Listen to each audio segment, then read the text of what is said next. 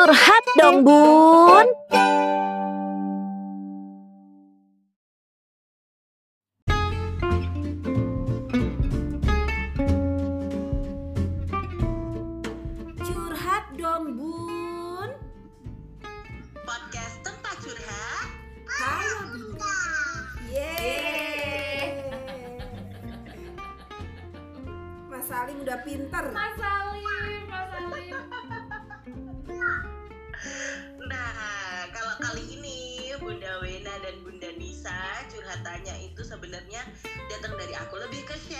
mungkin ya. Eh, dan mungkin bisa jadi pengalaman dan pelajaran juga buat bunda-bunda yang lain. Jadi eh, belakangan ini mungkin setelah anakku itu umur 3 tahun ya aku tuh ngerasa batas kesabaranku tuh mulai tipis gitu. Tipisnya tuh bener-bener setipis tisu tipis banget. Jadi ke trigger apa dikit tuh aku bisa marah yang meledak-ledak. Jadi sampai aku sendiri kaget karena sebelumnya aku tuh nggak pernah marah sama anak Eh, fisik sih alhamdulillah nggak pernah ya. Tapi belakangan ini aku sampai bisa membentak dia. Nah itu tuh bikin suamiku tuh juga kaget gitu. Kok sampai ngebentak gitu. Terus ternyata perlakuanku ke suami pun itu juga kayak gitu. Jadi eh, respectnya berkurang terus habis itu pokoknya gampang marah-marah lah. Sumbu pendek banget gitu loh nah ternyata hal itu kan eh, itu pasti bikin nggak nyaman ya eh, rumah tangga kita jadi nggak nyaman. Aku juga ngerasa kayak suamiku itu apa ya kurang gimana ya kurang oke gitu. Aku ngerasa dia tuh banyak salah dan sebagainya dan sebagainya kayak gitu. Ini kan pernikahan kami yang ke lima tahun. Banyak yang bilang katanya memang usia lima tahun itu tuh lagi banyak-banyaknya ujian dan cobaan gitu.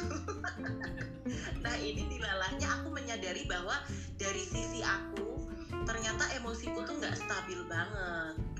Gitu Bunda eh, Bunda Wena dan juga Bunda Nisa. Nah alhamdulillah akhirnya kemarin aku memutuskan untuk pergi ke salah satu orang yang ngerti lah permasalahan ini. Aku tuh cari orang ketiga untuk membantu karena aku ngerasa diselesaikan berdua udah nggak bisa ke orang ketiga dan alhamdulillah setelah curhat panjang lebar dan sebagainya sebagainya bisa terurai masalahnya dan aku tuh bisa jadi lebih baik lagi ke anak dan suami kayak gitu. Dan ternyata setelah kita itu memiliki sikap yang lebih baik ke anak dan suami segala sesuatunya itu kok kelihatan lebih baik juga aku tuh jadi kayak kok kayaknya suamiku lebih baik anakku lebih baik. Aku malah jadi berprasangka jangan-jangan selama ini memang sikapku yang gak enak yang akhirnya membuat mereka bersikap tidak enak juga ke aku gitu loh. Jadi kayak beresonansi gitu loh bun. Gitu sih. Nah ini mungkin eh, menjadi salah satu tips untuk pasangan yang ingin merawat harmonisasi ya apalagi kalau udah lima tahun mungkin udah mulai bosen-bosen juga kali ya nah kalau Bunda Nisa gimana tuh yang udah lebih lama Eh ka- kamu umur nikahnya berapa? Lima baru? oh lima Oh Berarti nikah tahun? 2017 Oh baru ya bun Baik kan? Oh jumut lagi bahasannya jumut bosen ya kan? Ya bukan bukan junub ya Bukan junub ya. Ada tuh cepet ya kalau nyambung-nyambung ke situ. Oke oke udah mulai jumut Jumut itu kayak bosen stuck gitu ya. Bosan. Mm-mm. Nah, ternyata ada permasalahan kecil-kecil juga kan yang kalau nggak diselesaikan tuh bisa numpuk yang akhirnya bisa jadi trigger yang yang meledak gitu loh. Nah, kalau Bunda Nisa sama Bunda Wena gimana nih dengan usia pernikahannya masing-masing menghadapi kebosanan dalam berumah tangga tuh? Iya sih, ngomongin masalah harmonis itu kupikir di dunia ini nggak ada yang 100% harmonis gitu ya. Nggak ada yang kayak apa namanya eh, suami istri yang bener-bener nggak pernah bertengkar harmonis terus tuh nggak ada. Mau se apa pun pasti ada aja bertengkarnya masih ada aja perbedaan pendapat dan lain sebagainya cuma tadi pinter-pinternya kita mengelola konflik supaya tetap harmonis gitu kan Bunda Wena ya nggak? Apalagi kalau aku sama Bunda Wena kan sekarang ini ya LDR ya jadi kayak konflik itu sebenarnya lebih lebih ini Lebih lebih minimal ya. minimal gitu kan. Dibanding yang satu uh, uh, daripada satu atap gitu yang tiap hari ketemu pasti ada aja gitu kan. Nah, uh, cuma kalau aku diminta tips untuk harmonis juga nggak bisa kasih tips yang banyak-banyak gitu. Karena memang juga tadi nggak ada yang 100% harmonis gitu. Pasti ada aja ada aja bertengkarnya clashnya itu ada. Cuma tadi balik-balik komunikasi mau ngapain lagi? Kalau nggak dikomunikasikan kan nggak akan bisa tahu kayak apa. Nah Bunda Wena kayak udah gatel mau ngomong. Jadi Bunda Wena aja. Ini menarik ya mungkin eh, mungkin bukan maksudnya adalah eh, rumah tangga itu pasti harmonis enggak. Tapi merawat ya merawat keharmonisan rumah tangga. Cuman karena berangkat dari curhatannya Bundit ini arahnya justru bukan ke keharmonisan rumah tangga literally aku dengar dari curhatannya ini tuh lebih ke memang perlu ditolong eh, Bunditnya dulu gitu. Nah, dari eh, situasi kalau kalau ada keluhan-keluhan yang serupa hmm, kalau arahnya ke, ke rumah tangga itu jatuhnya jadi dampak ya. Jadi dampak atas permasalahan psikologis yang dialami oleh salah satu pihak gitu maksudnya. Udah bagus tuh Bundit, udah cari solusi, ketemu orang yang dianggap lebih mampu untuk membantu menyelesaikan problem yang Bundit rasakan. Ternyata terbukti ya dari situ, kemudian Bundit jadi lebih bisa melihat sisi positif dari suami sama anaknya gitu. Memang aku pernah Nah, dengar kadang-kadang, Eh, gimana? Gimana Salim? cuman kadang-kadang, Hmm, cuman kadang-kadang gini ya, uh, Bunda hmm, Kadang orang tuh merasa tidak butuh bantuan, ya nggak sih? Nah, hmm. kapan titik dia itu butuh bantuan sebenarnya Bunda Wena? Karena ada yang bilang, aduh nanti kalau misalnya pakai orang ketiga gitu ya kayak, oh kok kayak seolah-olah permasalahanku berat sih sampai harus dibantuin orang lain. Padahal ya memang dia itu membutuhkan bantuan, tapi dia merasa tidak butuh bantuan. Nah itu kayak gimana tuh Bunda? emosi mudah terpancing dan entah itu terpancing dalam bentuk emosi yang bentuknya agresif, marah-marah ataupun emosi yang bentuknya depresif, sedih-sedih, gampang sedih, gampang merasa rendah diri, merasa tidak berharga, merasa nggak punya support system dan lain-lain. Nah itu itu salah satu bentuk warning seseorang sudah mulai membutuhkan uh, bantuan orang lain. Oh oke. Jadi Terus untuk, fokus eh, fokusnya berkurang dalam beraktivitas, jadi mudah terdistraksi. Kayak gitu. Oh, see. Berarti memang untuk mendengar curhat dong pun nggak usah ragu-ragu ya ketika apa butuh bantuan hubungi aja orang yang bisa membantu dan itu tidak membuat kita menjadi lemah kok. Maksudnya itu tuh bukan berarti kalau kita konsultasi terus kita tuh gila nih konsultasi ke psikolog misalnya kayak gitu. Jangan sampai eh, anggapan-anggapan kayak gitu ya malah bikin kita lebih susah. Yang bikinnya eh, bikin kita akhirnya nggak mau konsultasi cuman karena takut dianggap orang kok aneh sih kayak Hmm. gitu aja Hmm, ada konsultasi misalnya kayak gitu ya Betul. Nah, eh, kemudian tapi kalau kita pengen melihat dari sudut pandang eh, da- atas permasalahan psikologis kita kemudian jadinya berdampak nih ke keharmonisan rumah tangga gitu. Terus cara merawatnya gimana? Pertama, betul, Hmm. kita rawat dulu diri kita sendiri. Sebelum kita menolong orang lain, kita perlu menolong diri kita sendiri dulu. Apalagi seorang Oke. ibu, aku pernah ikut pelatihan psikologi keluarga waktu itu. eh, trenernya bilang pusat dalam menjaga stabilitas emosi di suatu rumah tangga adalah seorang ibu. Kemudian yang berperan untuk menjaga kedisiplinan anak itu adalah ayah. Karakter, karakter ya, karakter maksudnya. oke Nah, ya jadi em, kalau mulai terasa ibunya sudah mulai kayak yang tadi Bundi ceritain, terus udah mulai gampang marah atau gampang sedih, fokusnya mulai berkurang, mudah lelah secara fisik. Nah, bisa jadi Bunda sedang membutuhkan bantuan atau Bunda membutuhkan berhenti sejenak. Nah, kemudian kalau sudah dilakukan nih, gimana ya e, untuk merawat, menjaga keharmonisan rumah tangga? Yang paling konkret bisa dilakukan pakai love language. Jadi love language, aku menyarankan ya sebagai seorang psikolog nih aku ngomongnya, aku sangat menyarankan setiap pasang suami istri itu wajib saling memahami love language pasangannya itu apa. Dan love language dirinya sendiri itu apa. Gitu. Oke pakai love language.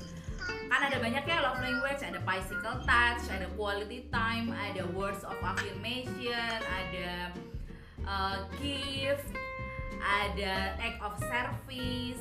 Nah itu dipraktekin semua disesuaikan dengan love language-nya pasangan. Kalau ada yang pasangannya kok kayaknya kurang peka aku love language-nya physical touch atau aku love language-nya words of affirmation atau apalah gitu. Sampaikan aku suka kalau emas itu kasih aku hadiah nih. Nggak usah mewah-mewah hadiahnya. Pulang kerja bawain oleh-oleh aja aku udah seneng. Aku bisa ngerasa aku semakin dicintai.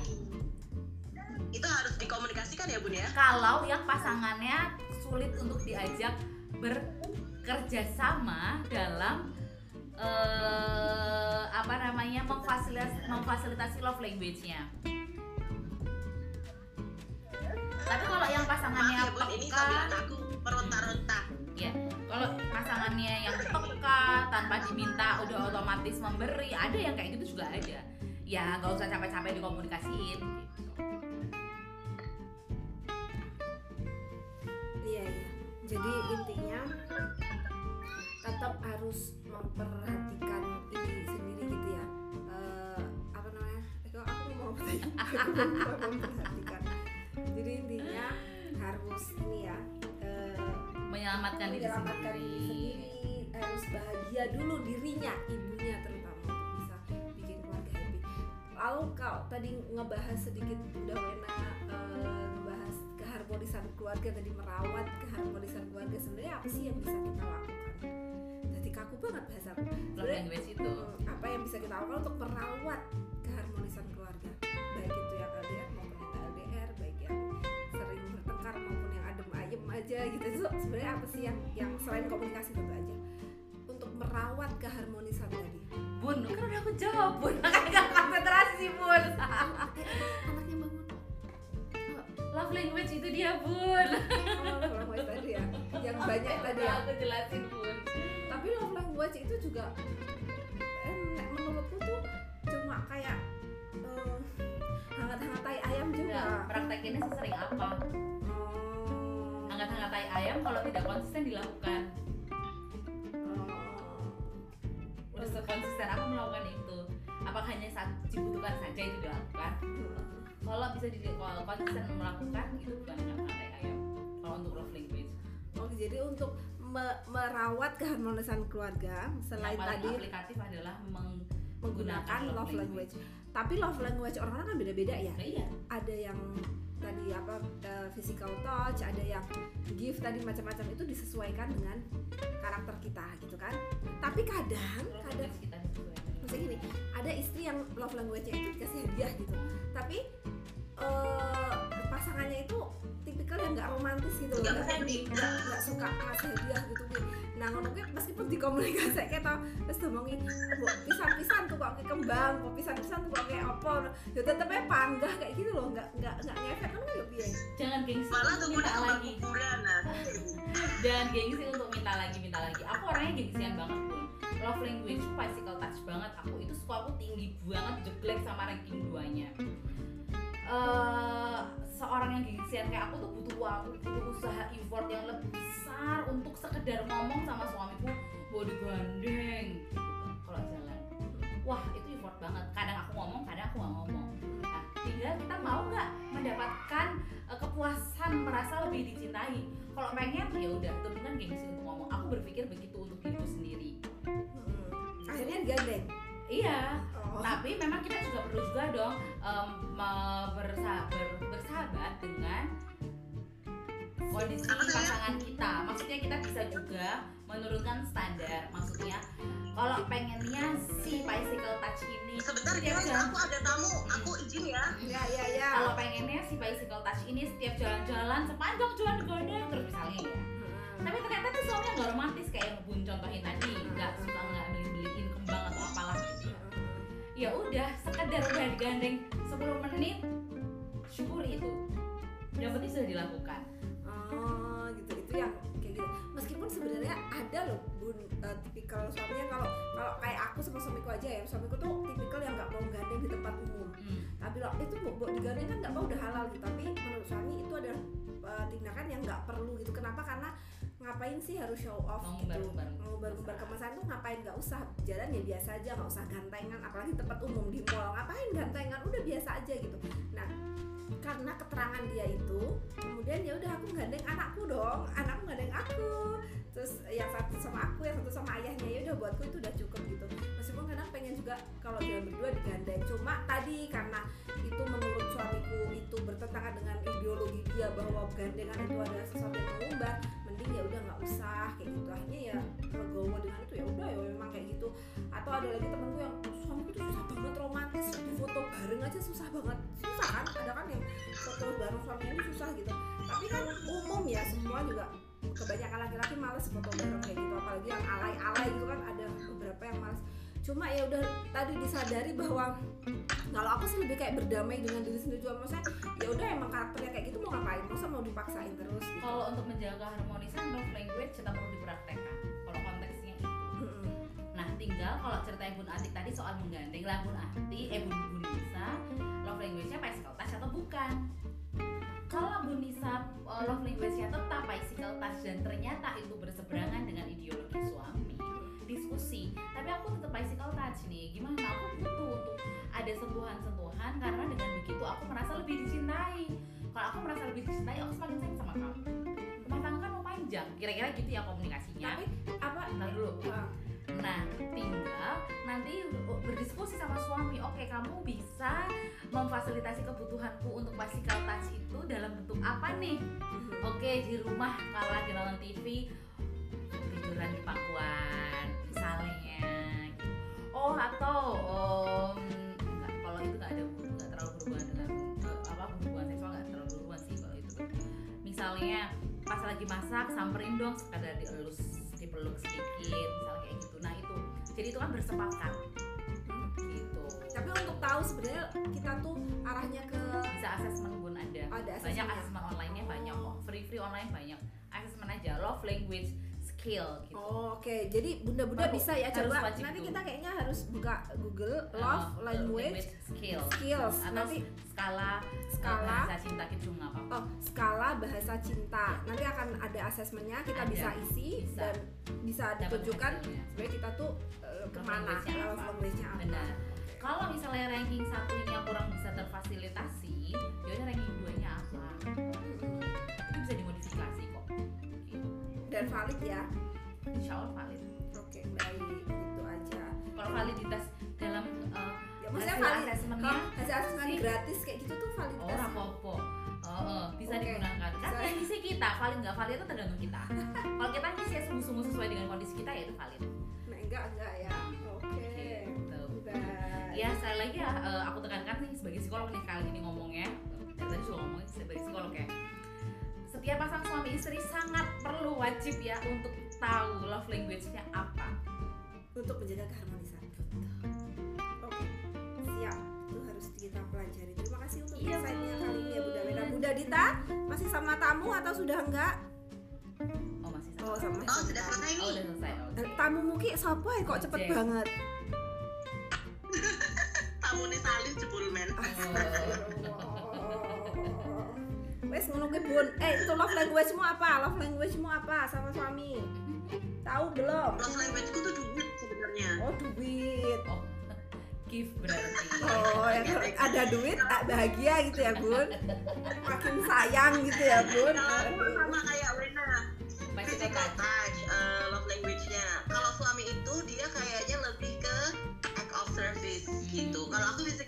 sama word of affirmation. Jadi Hmm, aku tuh tipe orang yang harus divalidasi nih setiap apa yang aku lakukan aku tuh. banget. Masak oh enak nih masakannya misalnya kayak gitu. Atau bersih bersih wah keren nih bersih bersihnya nah itu love language tuh itu. Jadi kalau misalnya aku dipuji pas melakukan sesuatu sama suami itu akan lebih bersemangat lagi melakukannya besok besok tapi ketika tidak ada tanggapan yang sesuai dengan ekspektasiku itu tuh jadi kayak ah males ah gitu. Ternyata kita sama bun. Love language-nya dua itu sama bun. Eh, terus suamimu tipikal tipikal sing romantis atau enggak? ah dia itu kalau misalnya di tempat umum itu nggak nggak ada romantis romantisnya tapi eh, dia menunjukkan sisi romantis itu tuh pas sendirian. Dan dia itu nggak tahu ya eh, dia tuh masalahnya kalau menunjukkan ke aku rasa sayangnya tuh lebih ke tindakan. Jadi misalnya dia beres-beres rumah terus ngapain kayak gitu. Nah padahal kan love language-ku bukan itu ya. Berarti enggak dia nggak pernah ngegombalin kamu gitu ya love you atau apa gitu sayang sayang gitu panggil panggil Oh, nggak gue pernah. gombal. Oh, oke. Enggak, dia bukan tipe yang seperti itu. Apalagi kalau upload-upload foto apa segala macam ya, dia pertama nggak punya sosial media. Terus habis itu, aku sendiri kalau misalnya mau upload yang sekeluarga gitu, itu juga eh, sama dia memang tidak diperkenankan gitu. Jadi kalau misalnya pas aku upload nanti ketahuan dia, "Eh, tolong di take down ya udah di take down. Kalau pas dia nggak nyuruh take down ya udah biarin aja. Terus itu kembang kembang suka dikasih kembang kembang tujuh rupa Ah, kalau itu juga enggak bun. Itu yang suka ngasih aku kembang malahan Salim. Oh iya sama yang ngasih kembang aku anakku. Jadi kalau hari ibu kan aku tulis surat ke aku kasih kembang romantis banget. Ini buat mama gitu hari ibu gitu. Oh terima kasih. Iya. Ya, berarti podo ya. aku nggak tahu ya kalau menurut laki-laki apakah itu tidak terlalu penting ya. Tapi padahal kalau menurut perempuan itu tuh penting loh. nggak semua perempuan juga menganggap itu penting dan nggak semua laki-laki juga Iya menganggap sih itu ya. tidak penting iya memang Menganggap itu nggak penting ya. iya Terus kan nek jalan-jalan yang mall digandeng ora bun? masa kalau itu digandeng, tetap. language-nya Oh digandeng Iya, tetap. ke mana-mana. Oh supaya enggak itu ya. supaya nggak belok sana belok sini terus beli apa beli apa ya bun Oh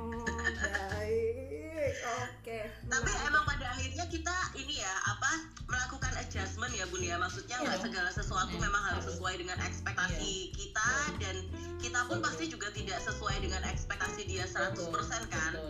akhirnya mana yang bisa ditoleransi aja deh dan eh, aku mencoba untuk akhirnya nggak melihat ke rumah tangga orang lain yang misalnya wah suaminya ini kok tipe gue banget nih misalnya kayak gitu karena aku yakin sih pasti pasangan yang dikasih ke kita tuh itu udah yang paling bagus dan formulanya paling pas buat kita emang Sing tumbuh oleh tutup ngono ya. Heeh, ya iya mau nggak mungkin salah lah insya Allah gitu. Oke oke oke. Sip sip. Udah nggak sih ada yang mau ditanggepin atau sudah? Sudah ya. Ini udah capek juga semuanya. Baik. Terima kasih Bunda Dita, terima kasih Bunda Wena. Insya Allah kita ketemu di episode berikutnya ya. oke Insya Allah mudah-mudahan diberi kesehatan terus. Saya Bunda Nisa. saya Bunda Dita saya Bunda Wena Kami undur diri. Assalamualaikum warahmatullahi wabarakatuh